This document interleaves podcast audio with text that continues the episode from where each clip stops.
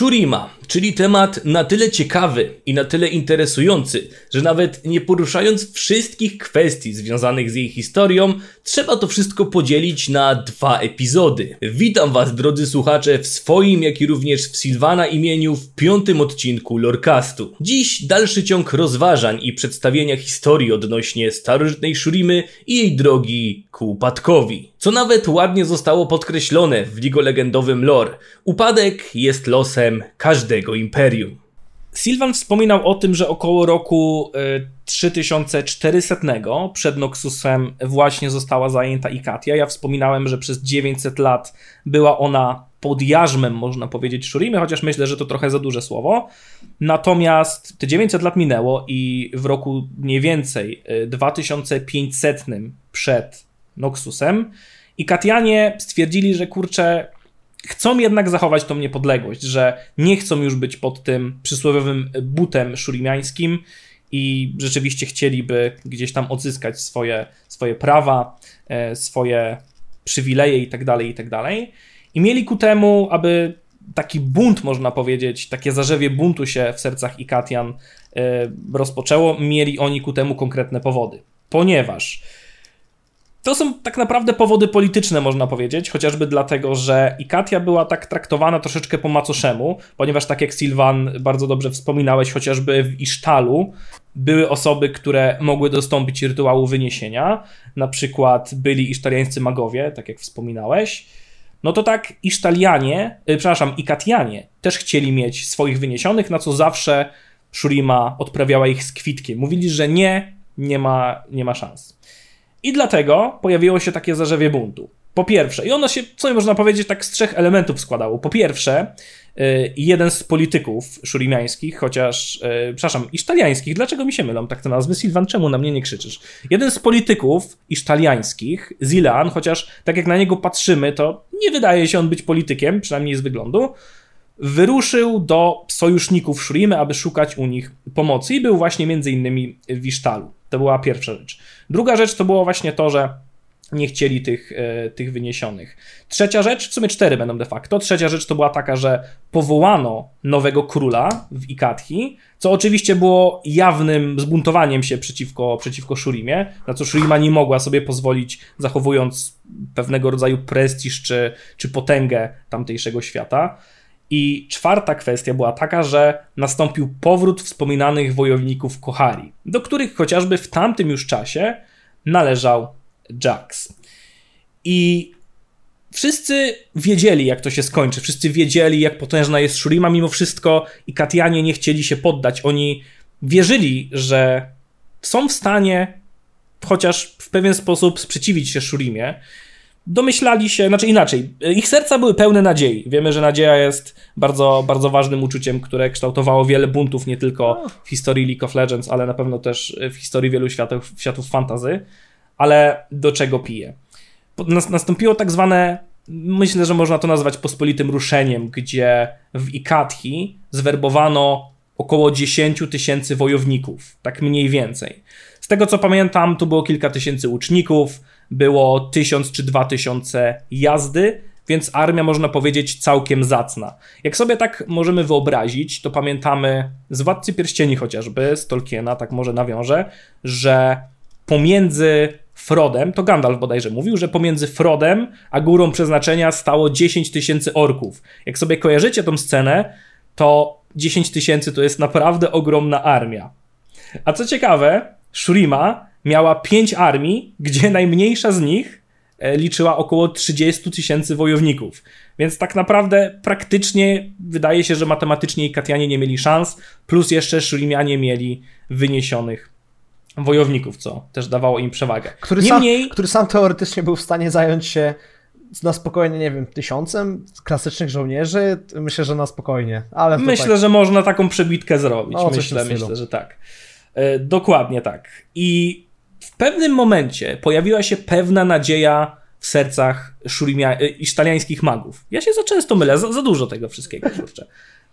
Przepraszam. E, pojawiła się nadzieja. Pojawiło się trzęsienie ziemi w miejscu, które nazywało się Sabera. To było miejsce na, we wschodniej części Ikathi mm. i to było miejsce które no oczywiście było dość mocno związane z pustką, się pojawiło trzęsienie ziemi i tam isztaliańscy mag... Nie! I kadiańscy magowie, goddammit! I kadiańscy magowie, muszę się bardziej skupić, i kadiańscy magowie odnaleźli pewną fioletową energię, oczywiście już się domyślacie o co chodzi, i to była energia pustki. I jakiś geniusz przekonał całą resztę. Wszyscy stwierdzili, że wykorzystanie pustki to jest genialny pomysł, że to nowa moc, nowa potęga, nowa energia, aby walczyć z Shurimianami. No i niestety no, stwierdzono, że z tej mocy będziemy korzystać, czy będą korzystać. No ale zakończyło się jak się zakończyło, o czym się zaraz dowiecie.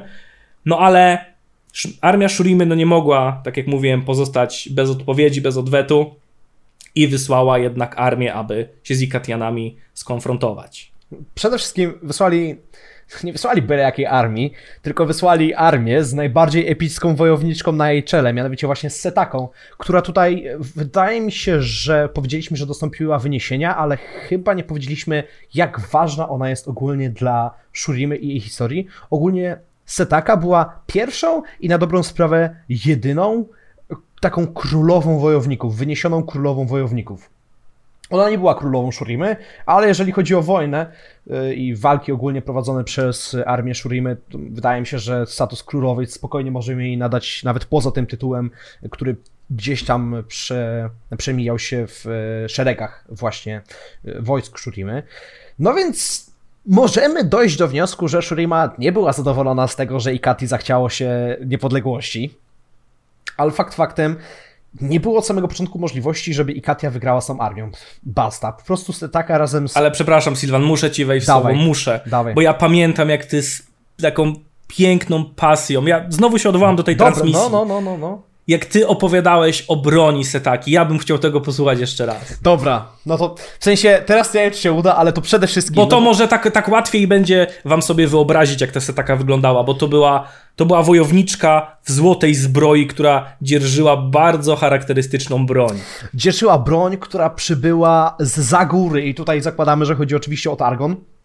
Dokładnie. Że boska broń i uwaga, zdziwicie się, założę się, że tego nie wiedzieliście, przy czym to jest, to jest taka jedna z pierwszych hardkorowych ciekawostek, kiedy tylko zaczynacie się zagłębiać w hardkorowe lore, czyli w te takie bardziej zniuansowane wydarzenia. Nie no, to jest jeszcze takoś, takie średnio zaawansowane. A, wydaje mi się, że nie, nie doceniasz. Wydaje mi się, że nie doceniasz. Okay. Ale, ale, to dlatego, okay. że jesteś już ekspertem, wiesz co chodzi.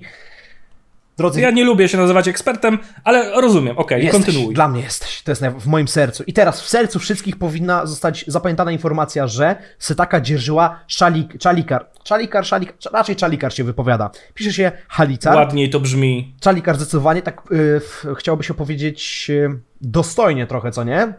Epicko. Epicko, trochę się kojarzy Niebiańsko, z takim... aż skoro ta broń pochodzi z góry. Wiesz, czym mi się kojarzy słowo czalikar? Z takim E, kielichem. tak, z ozłacanym kielichem, z diamentami, jakimiś rubinami, coś w tym stylu. Takim niesamowitym... Chalice of Harmony był taki item, no. Dokładnie.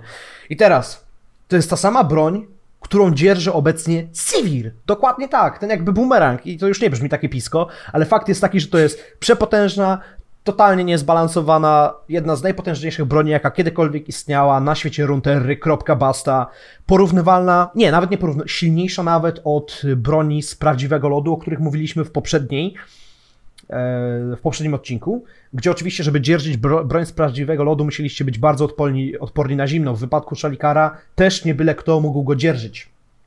I to już wam może podpowiadać, dlaczego Sivir akurat może, ale tak, Setaka, jej obawiał się każdy.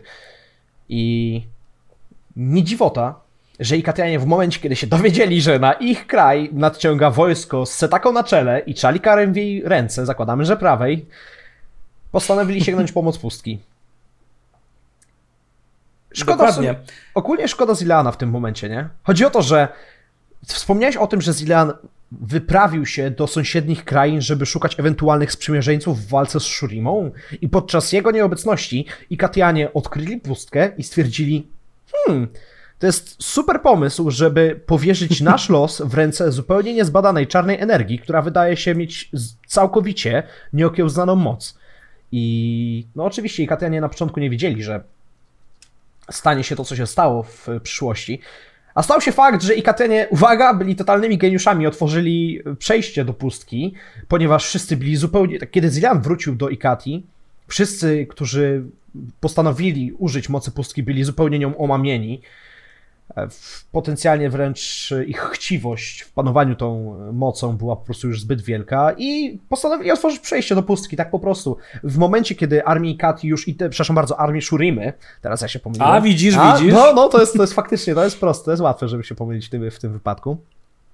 Kiedy już były na miejscu i walczyły z armiami Kati, i już wydawało się, że Shurima zażegna, znaczy zażegna konflikt, no, podbije raz na dobrej Katie, pustka się otworzyła i wypełzły, wypełzły z niej najgorsze okropności, jakie tylko mogły. Dokładnie. I ja tutaj każdemu polecam bardzo serdecznie z głębi mojego serduszka. Moim zdaniem jedno z najlepszych opowiadań, jakie istnieje w League of Legends. Y, ono ma tytuł Where Ikatia Once Stood, na polskie Gdzie kiedyś leżała Ikatia bodajże. Mm. I to jest właśnie opisane w tym opowiadaniu, jak wyglądała ta walka pomiędzy Ikatianami a Shurimą. I sceny tam są dość makabryczne, dlatego nie będziemy tutaj tego, tego przywoływać, ale myślę, że już sporą zachętę tym wywołałem, bo to taki zakazany owoc. Tak, tak. Wystarczy tylko powiedzieć, że opis tego, co wyszło z tej pustki, wiecie, takie no dosłownie niezbadane potwory o różnych dziwnych kształtach, które nawet jest powiedziane, że nie miały prawa istnieć w ogóle w umysłach śmiertelników, czy, czy przez pojmowanie śmiertelników, no jednak stamtąd wylazły i bardzo szybko zajęły się armią Shurimy. I tam właśnie potężna królowa wyniesionych Setaka straciła swoje życie. Tam stracił również życie jeden inny wyniesiony, którego no opis śmierci jest tak makabryczny, mm. gdzie w momencie, kiedy pustka zaczyna e, jakby zajmować jego ciało, tak jakby go wypaczać troszeczkę, to dosłownie e, jego twarz się wykręca, wiecie, kości, yy, skóra, po prostu mięso odchodzi od, od szkieletu, no makabryczne sceny po prostu, ale to pokazuje jak pustka jest potężna. I ten właśnie wyniesiony mówił do, do jednego z wojowników Ikatki, który swoją drogą e, strzelił mu z łuku w oko w tym czasie, a drugie oko miał, miał spaczone pustką, ale tak stwierdził, a ubije tego wyniesionego do końca, strzelił mu z łuku w oko. On się tym nie za bardzo przejął swoją drogą, ale co ważne powiedział, czy ty wiesz, e, głupi i Katianinie, co wyście zrobili? I to później jest tak ładnie powiedziane, że praktycznie armia Shurimy została wycięta w pień.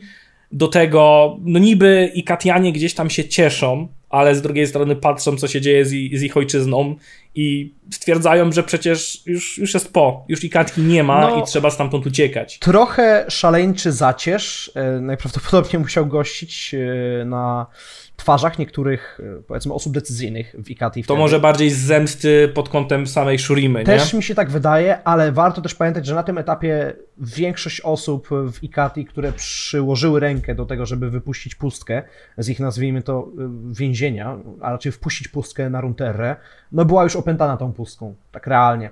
Po prostu pustka pochłonęła ich umysły.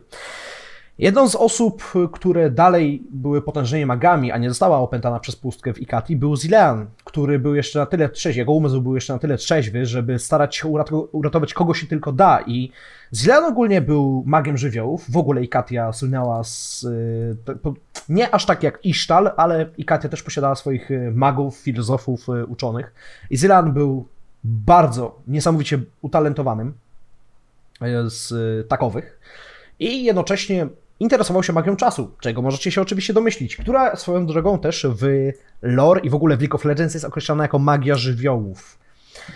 No i Zilean, kiedy tylko widział, co się dzieje, starał się kogo tylko się da zabrać ze sobą do swojej wieży, e, do swojej wieży naukowej, tak to nie wiem jak to, po prostu do jego wieży, w której prowadził badania nad właśnie magią wszelkiego rodzaju żeby uratować tych ludzi, ale możecie się w tym momencie zapytać, ale jak uratować kogokolwiek e, w budynku w dodatku, który zaraz zostanie pochłonięty przez pustkę, gdzie warto zaznaczyć, że pustka dosłownie rozrywała wszystko, co było na jej drodze, budynki, ludzi, wiem, że to brzmi źle, ale no. Wypaczała no... ziemię, rozrywała śmiertelników, dokładnie tak. Taka, taka jest tragedia Ikati. W tym momencie to jest pustkowie, kiedy spojrzymy z perspektywy wydarzeń już obecnych. Ale Zilanowi udało się w, zgromadzić pewną część osób w swojej wieży i wyrwać tę wieżę z czasu całkowicie. ta wieża zniknęła jakby wtedy z Ikati, z perspektywy Ikatyjczyków, z perspektywy e, Shurima, Shuriman, e, ona zniknęła całkowicie, a z perspektywy Zilana umieścił ją gdzieś w przestrzeni. Nie wiemy dokładnie, gdzie to było i nawet sam Zilean nie do końca to rozumiał, ponieważ to dalej były czasy, w których Zilean starał się dopiero pojąć magię czasu. I co więcej, ludzi, których wziął ze sobą, oni również zostali zamrożeni w czasie. Po, prostu skostnieli, zatrzymali się. I Zilean musiał poświęcić nie wiadomo ile czasu, ale najprawdopodobniej bardzo długo, bodajże to jest opisane jako dziesięciolecia, na medytacji, żeby być w stanie nauczyć się poruszać po liniach czasu, które zaczął powoli odkrywać, które oplatały poniekąd jego wieżę. Także no niewielu bohaterów jest związanych z Ikatią bezpośrednio, o raczej niewielu stamtąd pochodzi, bo większość, którzy mogli być bohaterami, po prostu zginęli, ale Zilian właśnie w ten sposób był w stanie się wydostać z tej tragedii. I myślę, że takim finalnym zakończeniem tego buntu Wikatchi można to podsumować tak naprawdę jednym stwierdzeniem, że miało to wyzwolić Ikati, a tak naprawdę całkowicie ją zniszczyło. I Shurima nie potrafiła sobie tej Ikati odpuścić. Prawdopodobnie z wielu względów. Ze względów politycznych, ze względów e, militarnych, czy ze względów zagrożenia ze, ze strony pustki. I powstał wielki plan, można powiedzieć, który zakładał odbicie tej Ikatchi i zamknięcie wyłomu pustki, który, który został wywołany przez, iszte, przez ikatiańskich magów, nie isztaliańskich magów, ale jeden z isztaliańskich magów akurat, Nezuk, którego możecie kojarzyć, chociażby, bo wspominałem kilkukrotnie e, na swoim kanale YouTube'owym o nim, że jest to facet, którego rękawice dzierży Ezreal, chociażby, to jest dokładnie rękawica Nezuka, to ten Nezuk był właśnie wyniesionym magiem, o, którym też, o których też wspominał Sylvan, i on był, myślę, że można spokojnie założyć, był takim najzdolniejszym magiem, ponieważ to on wymyślił pewną wielką twierdzę, która była takim monolitem, można powiedzieć, planu odzyskania tej Ikatki. Widzę, co to zrobiłeś. Ponieważ no. ta twierdza nazywała się monolit, tak swoją drogą. Tak, tak, e, tak. Ta twierdza, tak. nazwa tej twierdzy to był monolit i teraz jeżeli przychodzi wam walczyć z totalnie niezrozumiałą potęgą, jaką jest pustka, trzeba, trzeba zbudować coś, czego jeszcze świat nie widział. I Nezok, biorąc pod uwagę, że nie dość, że był wyniesionym, to przy okazji jednym z największych isztaliańskich magów żywiołów, postanowił, dobra, dajcie mi parę miesięcy, przyjdę z czymś fajnym. I rzeczywiście, po paru miesiącach udało mu się stworzyć latającą twierdzę, którą nazwał monolitem, która była zbudowana z jakiegoś chorego materiału, z jakiejś skały, z jakiegoś niesamowitego kruszcu. Akurat to chyba nie zostało uściślone, ale fakt faktem, e, to była dosłownie, to, to, nie jest tak, że to był zameczek, to była cała twierdza, w której znajdowały się inhibitory, swoją drogą, dokładnie tak, inhibitory, które znamy z Summoner's Rift, e, bo miały one zasilać poniekąd swoją energią mm, całą tą twierdzę. Jednocześnie nie dość, że ta twierdza była zasilana przez dziesiątki magów, to przy okazji na jej murach stali isztaliańscy wo Isztaliańscy, tak, isztaliańscy wojownicy. I teraz uwaga. I wyniesieni się, jeszcze. I wyniesieni, to, to, to dokładnie, i wyniesieni. I zastanawiać się, okej, okay, fajna broń, czy zadziałała? Nie. Ha, niestety, ale o ile jej potęga była ogromna i jest opisana w historii Malfighta swoją drogą, jako potęga, która byłaby w stanie niszczyć całe kontynenty, to niestety pustka okazała się być silniejsza. Ale zastanowić się teraz, czemu w historii Malfighta? Albo widzicie, kiedy ta twierdza dobrnęła już do tej wyrwy z, i mogła walczyć już z pustką, pustka nie postanowiła nie być e, jakby dłużną i zaczęła też walić wszystkimi największymi działami właśnie w tę twierdzę. Nie wiemy dokładnie, czym te działa były, są no, one po prostu opisane jako gniew pustki, moc pustki. Jedno jest pewne, to nie dzieci pustki uderzały w tę twierdzę, ale jakaś taka czysta energia pustki starająca się rozedrzeć ją właśnie. I teraz, w momencie, w którym potęga pustki zaczęła ocierać się o twierdzę, o monolit zbudowany przez Nezuka, to na jej wierzchu zaczęły się pojawiać e, płaty czegoś dziwnego, płaty Malfajtu, który w tłumaczeniu z isztaliańskiego Malfajt oznacza zły kamień. Dosłownie. Ciekawe. Piękne gry słów tutaj wplatamy. Bardzo mi, się, to, bardzo mi się to podoba. Monolith, Malfight, pięknie. No, no, no, no, no, to jest akurat... Historia Malfighta jest dla mnie o tyle y, ekscytująca w, y, co do innych wszystkich, jakby w kontraście do innych wszystkich, że dosłownie jest wplotem w jedno z najważniejszych wydarzeń Mhm, mhm. w historii całej Runeterry, więc bardzo mi się podoba geneza Malfighta. No i właśnie, w ogóle opisana potęga też tej twierdzy jest taka, że kiedy po prostu przylatywała nad pustynią, to e, pioruny zamieniały piasek w szkło, no była moc. Ale oczywiście ta twierdza została rozerwana na strzępy. I nawet kawałki tej twierdzy, które opadły na ziemię, próbowały ją zrekonstruować, ale były pochłaniane przez pustkę. Jeden kawałek się ostał. Jeden większy kawałek, poza jakimiś drobinkami, które latały w powietrzu. I ten jeden kawałek uchował się przed gniewem pustki, która to pochłaniając wszystko, zapomniała po prostu i go zostawiła w spokoju. I przez setki lat zbierał on energię, żeby stać się Malfightem, bohaterem, którego znamy. Ogromną skałą, której zadaniem jest y, realnie walka z pustką, bo jedyne co Malfight zapamiętał to po pierwsze, że jest osamotniony, a po drugie, że kiedy pustka się ponownie pojawi, musi z nią walczyć. Co jest fajnym nawiązaniem jednak do, do tego, że Malfight był fragmentem twierdzy, która nazywała się Monolit, no i ten fragment dalej chce walczyć z pustką. Tak, Bardzo i to fajne. jest oczywiście tutaj już dosłownie rzecz biorąc, y, nie wiem czy kojarzycie, no ale wydaje mi się, że tak. Każdy z bohaterów ma jakiś przydomek, tytuł. Poza tym na przykład, nie wiem, macie, chyba Azir to jest y, Imperator... No i nie zapamiętam, nie, nie będę tutaj mówił, ale właśnie tytułem Malfighta jest Okruch Monolitu. Imperator pustyni mi się wydaje. O, Imperator Pustyni, bo właśnie się zastanawiałem, czy Imperator Przyjmy, czy Imperator Pustyni. Ale tak, chyba Imperator Pustyni. A Malfight ma tytuł Okruch Monolitu. Piękna sprawa, naprawdę, bardzo mi się to podoba. I mimo, że nie udało się twierdzą pokonać pustki, to ostatecznie pustka została ujarzmiona. Dokładnie, ta wyrwa pustki, która została otwarta i jej energia została użyta przez Mhm. ikatiańskich magów, została finalnie zamknięta, czy, czy bardziej, e, nie wiem, zasymilowana, taka zasklepiona bardziej. O, myślę, że to lepsze określenie.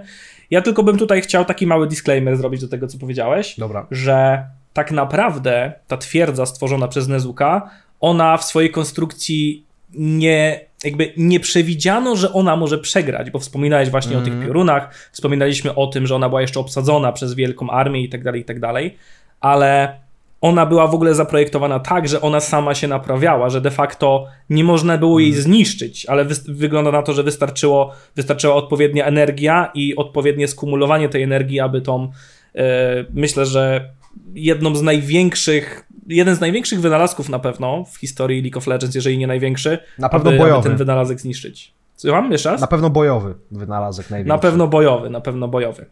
No ale możecie się zapytać i możecie się zastanawiać, skoro cała twierdza nie była w stanie ujarzmić energii pustki, jak to się stało? No stało się tak, że wchodzi tutaj poniekąd pewien wątek związany z Kasadinem, chociaż nie do końca, a de facto chodzi o samo ostrze Kasadina, które nie jest jego. Jest to ostrze Nederu, inaczej nazywane ostrzem Horoka i był to artefakt, który dzierżył jeden właśnie z wyniesionych, który nazywał się Horok, który poświęcił samego siebie. On wpadł w ogóle w tunele. Jeżeli kojarzycie, na przykład jesteście graczami Kajsy, albo kojarzycie historię Kajsy, to wiemy, że ona gdzieś tam właśnie w tunelach, można powiedzieć, e, pod, e, pod ziemią, no walczy i wyszukuje te wszystkie dziecię pustki, czy inne okropności z pustki i z nimi walczy. Natomiast Horok właśnie udał się e, w te tunele pustki. Oczywiście nie w te same, tylko w te tunele, gdzie, gdzie była ta wyrwa. I tym ostrzem, tym potężnym ostrzem Nederu próbował tą wyrwę zasklepić. I rzeczywiście się to udało. Co ciekawe, jeszcze pomagała mu dwójka wyniesionych, których e, ci, którzy są gdzieś tam bardzo głęboko siedzą w lore, to na pewno to kojarzą. E, Szabaka i Szabakę. To było rodzeństwo i to byli wyniesieni, którzy byli, przybrali taką postać, bo jak wiemy, każdy wyniesiony, na przykład Nasus przyjmuje postać szakala, tak e, to rodzeństwo przybrało postać kruków. I oni do tego od góry, od, e, że tak powiem, zewnętrznej strony pomogli zamknąć tą, tą wyrwę Z pustki. tego co pamiętam, co- oni, to, oni byli wyroczniami swoistymi, co nie? E, również, ale to, co chciałem też dopowiedzieć, że przez to, że oni jednak mieli styczność z tą pustką, nie taką styczność, jak mówiłem o, o poprzednim tym wyniesionym, który umierał na oczach e, tego łucznika, tak go nazwijmy, upraszczając, e, ikatieńskiego, to oni również później, to rodzeństwo, co ciekawe, stało się Darkinami. No i później też mieli swój udział w dalszym kształtowaniu League of Legends, chociaż co ciekawe, większość graczy o tym w ogóle nie słyszała. I myślę, że tutaj możemy skwitować, że pomimo tego, że niby można powiedzieć ten konflikt, ten bunt Wikatki został zażegnany i tak na tych ziemiach jest pełno pustki. Nawet jeżeli sobie zjedziemy, że tak powiem, na, na mapę Runtery, to tam widzimy, że jest region pustka tam przypisany.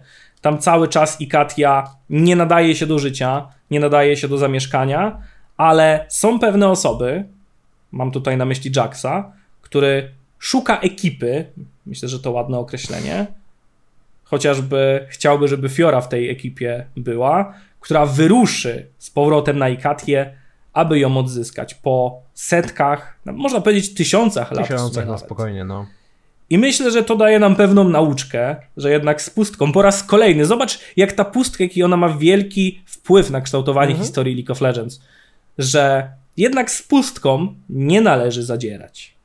Byliśmy świadkami świetności Imperium Szurimańskiego, mimo że nie przez długi czas, przynajmniej dla nas, bo wydaje mi się, że z perspektywy naszej tutaj, czy to podcastu, czy e, słuchaczy, zaledwie godzina, ale w rzeczywistości trwało to ponad 2000 lat, grubo ponad 2000 lat, prawie 3 praktycznie. Ale upadek Shurimy też trochę trwał, no i ostatecznie do tego upadku w tym momencie się e, skłaniamy, docieramy już do samego końca całego tego opowiadania, ale trudno byłoby zamknąć historię Shurimy bez wspomnienia o tak naprawdę najważniejszych postaciach, jakie znamy. Azir i Zeraf. Moi drodzy, na dobrą sprawę, kiedy już Shurima powoli wchodziła w ten okres schyłku swojej świetności, jeszcze, żeby dobić leżącego, pojawił się właśnie Zeraf. Ogólnie Azir, e, tutaj nie da się mówić o jednym bez drugiego. Azir oczywiście był imperatorem Shurimy, jednym z e, w późniejszym oczywiście okresie. Pierwotnie był synem e, imperatora, jednym z synów, który nawet niespecjalnie miał pierwotnie zostać imperatorem. Stało się to przez machinację Zerafa.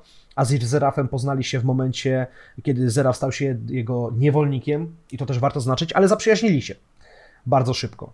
W pewnym momencie nawet Zeraf uratował, będąc jeszcze człowiekiem, bo to też trzeba zaznaczyć oczywiście, uratował Azirowi życie, podczas gdy bandyci napadli na karawanę, właśnie tego słowa szukałem, mm -hmm. dziękuję Ci bardzo. Kiedy bandyci napadli na ich karawanę, Zeraf uratował Azira, e, zabijając bandytę, który się nad Azirem pochylił i jego własne życie chciał odebrać.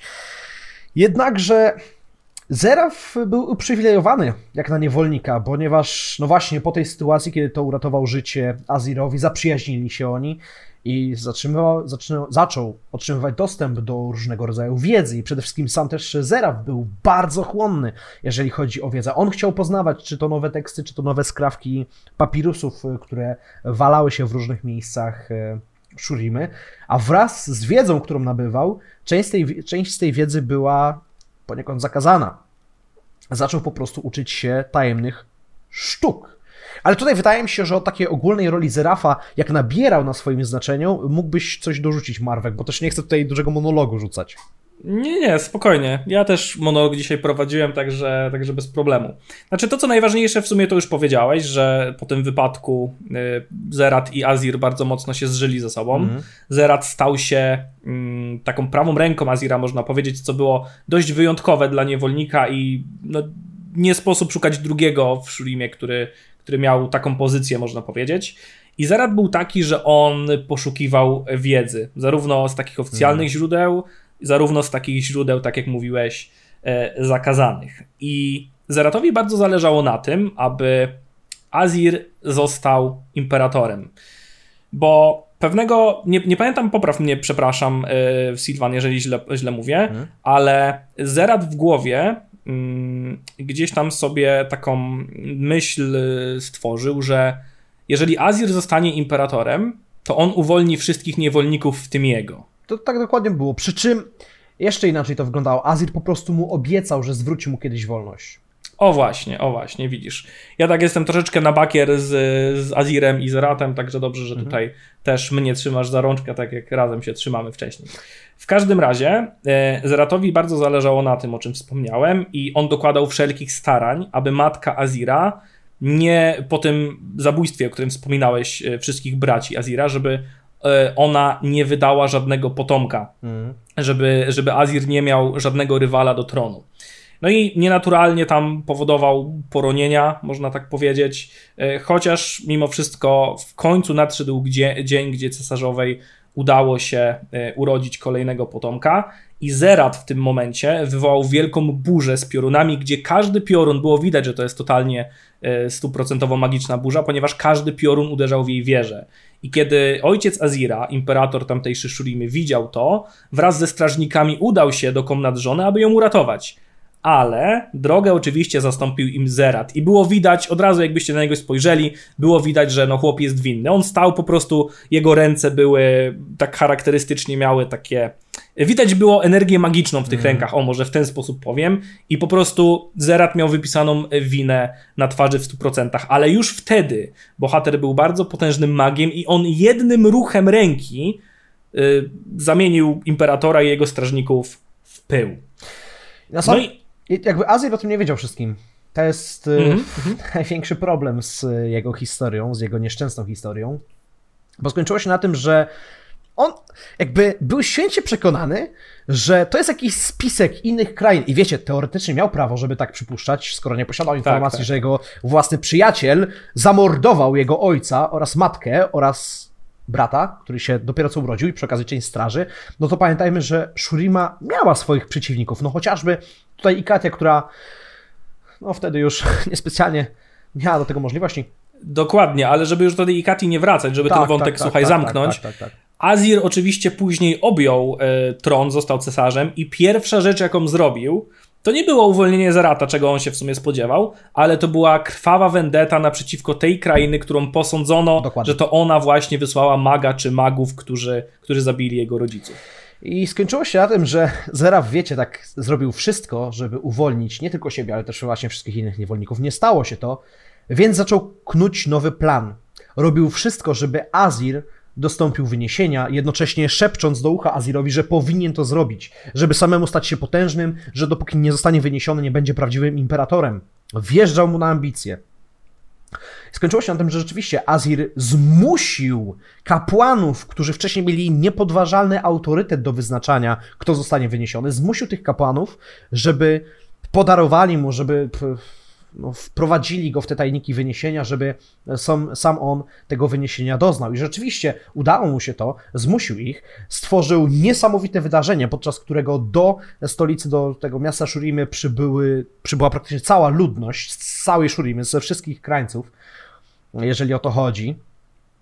I wchodząc na te schody, ostatecznie już przyspieszając nieco ten temat, żeby przejść do głównej części, wchodząc na te schody, już będąc krok przed wyniesieniem, ogłosił wszystkim, że zrzuca niewolnictwo, nie ma niewolników, koniec. Pomijając fakt, że wiecie, w kraju, który się, w państw, imperium, które się opierało w dużej części na niewolnictwie, to był szok. Jakby nagle połowa, powiedzmy, rzeczywistości, jaką znacie, spokojnie upada. Ale wchodząc właśnie na, te, na ten piedestał wyniesienia, stwierdził, że koniec z niewolnictwem. Zerafa to nie obchodziło. Ale to był też właśnie, mówiłeś o planie Zerata. Ja bym tutaj tylko pokrótce powiedział, że Azir też miał poniekąd swój plan, ponieważ on przez kolejne kilkadziesiąt lat prowadził srogie, aczkolwiek z tego co pamiętam sprawiedliwe rządy. Mhm. On rzeczywiście był odpowiedzialny za jakąś część ekspansji imperium. I on gdzieś tam z tyłu głowy cały czas miał plan, aby tych niewolników uwolnić, ale on był świadomy tego, że właśnie tak jak pięknie powiedziałeś, że w imperium, które Y, poniekąd jednym z piedestałów, czy jedną z kolumn, która mm. podtrzymywała to imperium, było niewolnictwo. Nie mogło się to stać na pstryk, nie mogło się to stać z dnia na dzień. I właśnie pomimo tego, że tak jak Sylwan to przedstawił, może się wydawać, że Zerat po prostu w pewien sposób może zmanipulował Azira, bo tak rzeczywiście trochę też było, ale z drugiej strony Zerat, y, Azir, przepraszam, cały czas gdzieś tam z tyłu głowy to, mia, to miał i cały czas pamiętał o obietnicy, którą Zeratowi jeszcze, można powiedzieć, za młodu złożył. Tylko, że Zerafa to nie zadowoliło, bo... Wtedy to... już go nie, jakby to, było, jakby to było wcześniej, jakby oni rzeczywiście ze sobą, wiesz, gdzieś tam tak. komunikowali te, te plany, jakby Azir powiedział, że on to planuje, to by było w porządku, nie? Ale okazało się, że odkąd... Nie dogadali się. Odkąd tylko okazało się, że podczas objęcia tronu Azir nie zniósł niewolnictwa, Zeraf miał zupełnie inny plan. Zeraf zmuszał Azira do zostania wyniesionym, nagabywał go do tego, po to, żeby skraść mu wyniesienie. Bo Zeraf jednocześnie wiedział, że sam wyniesienia nigdy nie dostąpi, no był zaledwie niewolnikiem. W oczach społeczeństwa jego godność była znacznie poniżej e, statusu, który pozwala, i to znacznie, znacznie poniżej statusu, który normalnie pozwalałby na wyniesienie. Więc w momencie, kiedy Azir ogłosił to, że zrzuca niewolnictwo, Zeraf już był całkowicie zaślepiony, powiedzmy, szczęściem z powodu tego, że jego plan się e, powiódł, bo w momencie, kiedy tylko dysk został, nazwijmy to, uruchomiony, ta energia zaczęła spadać, Zeraf dosłownie wbił mu sztylet w plecy, oczywiście Azirowi. I oczywiście Azir na łożu śmierci, Zeraf wchodzi pod dysk i wtedy zaczęła się całkowita masakra. Energia dysku słonecznego zaczęła wierzgać, przez to, że jednocześnie energia wyniesienia łączyła się z magią, którą już i tak Zeraf opanował. Jego ciało zostało zdezintegrowane, w jego miejscu pojawiła się ta czysta wiązka energii, którą Zeraf się stał, a cała Shurima zaczęła się po prostu zapadać pod piasek. To była największa tragedia, jaka spotkała jakąkolwiek nację. Nawet, nawet yy, błogosławione wyspy nie doznały takiej tragedii, jaka spotkała Shurimę tak naprawdę. Wszyscy ludzie, którzy byli wtedy na miejscu, zostali zakopani pod piaskiem. Całe miasto główne Shurimy zostało pod tym piaskiem e, zakryte. I Zera w międzyczasie po prostu zdobywał coraz większe pokłady energii. Ale to działo się realnie tylko dlatego, że dwójka postaci, która mogła temu przeciwdziałać, nie była na miejscu. To Sylwan, jak się tutaj tak ładnie w tym odcinku poprawiamy, Isztal i Katia i tak dalej, no, no, no. i tak no. dalej, to Nerima Z, pewnie też coś źle znowu powiedziałem. Nie, dobrze tym razem, dobrze tym razem. A, okej. Okay. Jak się tak poprawiamy, rzeczywiście mówiłem ci o tym, o tej śmierci mhm. Azira i tak dalej, tylko że to były inne dwie postacie, to nie był Azir i Zerat, tylko to była Sivir i Cassiopeia. Ach, ponieważ. A, Azir go po prostu magią wtedy zabił. Znaczy tak, zabił. zepchnął go z zepchnął podestu, go. dokładnie. Aha, dobra, dobra. No faktycznie. Dokładnie. To tutaj tak tylko musimy oczyścić powietrze, pewnie, oczyścić pewnie. atmosferę, żeby nas ludzie i przede wszystkim moi Discordowi widzowie nie zeżarli w komentarzach, czy gdzieś tam później. E, ale tak, rzeczywiście wspominałeś o tym, że dwójka wojowników, którzy mogli powstrzymać e, plan Zerata i na niego wpłynąć negatywnie dla niego, czyli Renekton i Nasus zostali wysłani poza, mm. poza stolicę po prostu, ponieważ Zerat osłabił pieczęć y, pewnego magicznego sarkofagu i bracia zostali wysłani, aby się tym zająć. I ten sarkofag więził ogromną, ognistą bestię, i nie jest to brand, co ciekawe o brandzie, myślę, że może na łamach tego podcastu też sobie porozmawiamy. A myślałem o tym swoją drogą pierwotnie. No autentycznie o tym pierwotnie myślałem, że jak to przeczytałem, że to może to był brand, ale nie. Starolorowo było jakieś tam nawiązanie do tego branda, ale w aktualnym nie ma niczego mm. takiego, jeżeli pamięć mnie nie myli. W każdym razie, kiedy Renekton i Nasus zobaczyli, że jednak to był pewien spisek, oni wzięli ten sarkofag i wrócili do stolicy. I wtedy już y, w pewien sposób jeszcze Zerat przekształcał się, on stawał się tym wyniesionym tak. magiem, jakim jest teraz. I w tym momencie, korzystając z okazji, Nasus i Renekton wzięli ten sarkofag i zamknęli zamknęli Zerata w jego wnętrzu. Ale no niestety Zerat już był tak potężnym magiem za życia, dodając do tego jeszcze moc wyniesienia, którą skradł poniekąd można powiedzieć, to i tak Zerat był w stanie z tego sarkofagu się uwolnić, chociaż nie do końca, ponieważ to, co widzimy, ta jego zbroja, o której wspominałeś, to jest mhm. właśnie ten y, sarkofag, który gdzieś tam cały czas trzyma się jego ciała. No i oczywiście rozpętała się ogromna walka, którą myślę, że już dużo dzisiaj rozmawiamy, dlatego po prostu bardzo szybko ją skrócę, która polegała na tym, że potęga wyniesionego maga i obu wyniesionych praktycznie była równoważna. Oni nie potrafili się pokonać. Co też jest ciekawe, kiedy później, dużo później, tysiące lat później, Zerat spotkał Nasusa, bardzo szybko go pokonał, co pokazywało jednak, że dwójka wyniesionych kontra Zerat to jest takie absolutne minimum, żeby gdzieś tam y, to wszystko było w miarę wyrównane. Ale też warto zaznaczyć akurat, że Nasus, szwendając się po pustyni przez parę tysięcy lat, po prostu osłabł. Nie był w pełni sił, tak. dokładnie. Zgadzam się, zgadzam się w 100%. A Renekton z kolei był pokazany jako taki totalny przeluj w aktualnej historii League of Legends, ale to może już y, bez uszczegóławiania. W każdym razie wpadli, y, wyniesieni wpadli na plan, oczywiście wyniesieni Nasus Renekton wpadli na plan, że można zamknąć Zerata w miejscu, które nazywało się Grobowcem Imperatorów i to było miejsce, które po zamknięciu mógł tylko otworzyć ktoś, kto pochodził, e, kto miał, w którego żyłach płynęła krew, kto pochodził z rodu e, imperatorów. No i niestety y, Renekton wpadł na pomysł, niestety dla niego, niestety dla Nasusa, Mm. że nie mają go jak tam zamknąć samodzielnie i Renekton po prostu inaczej, nie, nie że samodzielnie, tylko jedynym sposobem na zamknięcie Zerata, tutaj sam się poprawię, był taki, aby któryś z wyniesionych sam się w nim zamknął. Złapał go i zamknął się razem w Przytrzymał środku po prostu w momencie, kiedy ta, Dokładnie, dokładnie, odrzwia dokładnie. będą zamykane. Dokładnie. No i Renekton krzyczał w stronę Nasusa, że on się poświęci. Sam Renekton wiedział, że to Nasus jest w tak okropnym momencie dla Shurimy jednak ważniejszy jako uczony, strateg niż, niż wojownik i powiedział, że to on zostanie zamknięty. Nasus z, cięż, z cięż- z ciężkim sercem to na to się zgodził. No i od tamtego czasu Renekton został z Ratem zamknięty i to jest taki, e, myślę, że później e, Nasus przez dziesiątki, setki lat e, szukał sposobu, aby Renektona z tego, z tego, z tego grobowca wyciągnąć. Niestety bezskutecznie. I myślę, że to jest takie idealne podsumowanie tego, jak smutno zakończyła się historia Shurimy.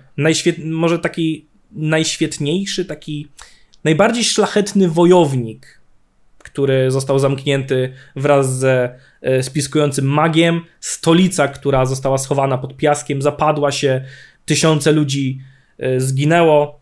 No niestety, i oczywiście dysk został zniszczony, ten drugi większy dysk, o którym Oczywiście. wspominaliśmy, został zniszczony.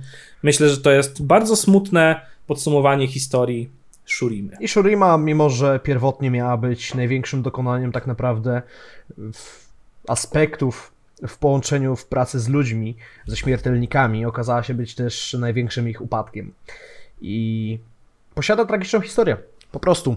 Wszystko to, co się działo z Ikatią, z Shurimą, mimo że czasy świetności trwały mimo wszystko przez dobre kilkasetek lat, to koniec końców y, nikt, kto uczestniczył w tych wydarzeniach, na pewno nie ma dobrych wspomnień z tym, co ostatecznie Shurimę, y, czy też właśnie Ikatię spotkało, bo to jednak te dwa główne miejsca.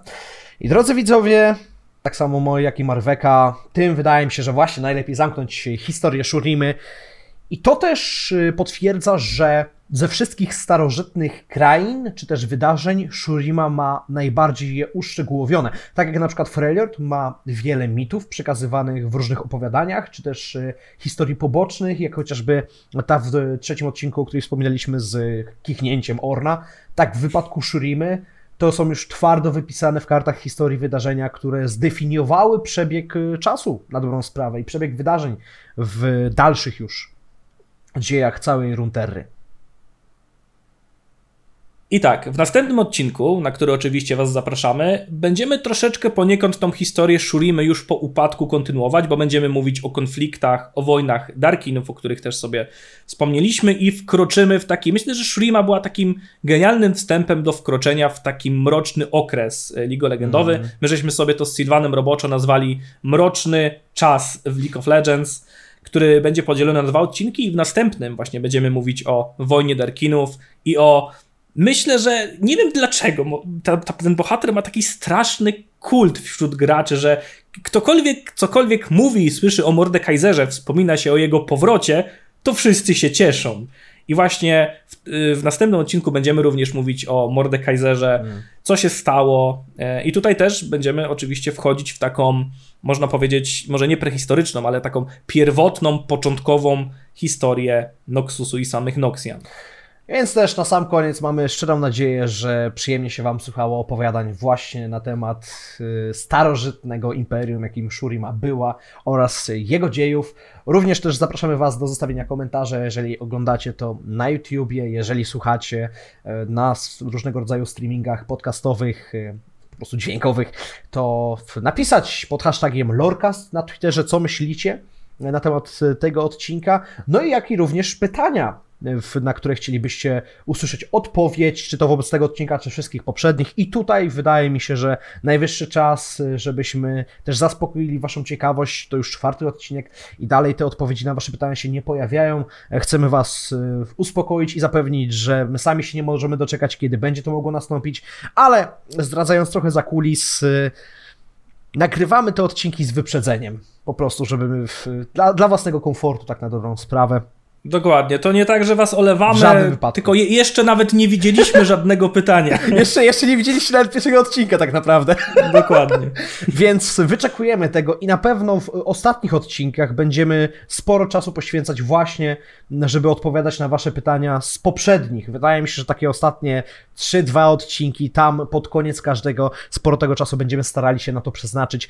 E, My z całego serca chcemy wam podziękować, że dotarliście aż do tego momentu, bo zdecydowanie kolejny chciałoby się powiedzieć, bardzo wyelaborowany, nawet nie wiem, czy istnieje takie słowo, ale odcinek, jeżeli istnieje, to zdecydowanie był on e, dość obszerny. Referat. został Następny tutaj odcinek, tutaj napisany. tak też zaspoilerując, troszeczkę będzie dużo krótszy. Będzie. To już powoli wchodzimy w okresy, które są znacznie bardziej zbite i znacznie łatwiej jest e, zawrzeć je w e, paru krótkich zdaniach, chciałoby się powiedzieć. Ale spokojnie, dzięki temu będziemy mieli też więcej czasu, żeby przemycać więcej smaczków z danych I okresów. odpowiadać na wasze pytania. I odpowiedzieć na. Wasze pytania, dokładnie. Także jeszcze raz, dziękujemy za dzisiaj. Ponownie opowiadali Wam dzieje e, League of Legends Marwek oraz Sylvan i zapraszamy Was na kolejny odcinek Lorecastu. Dziękujemy. Do następnego.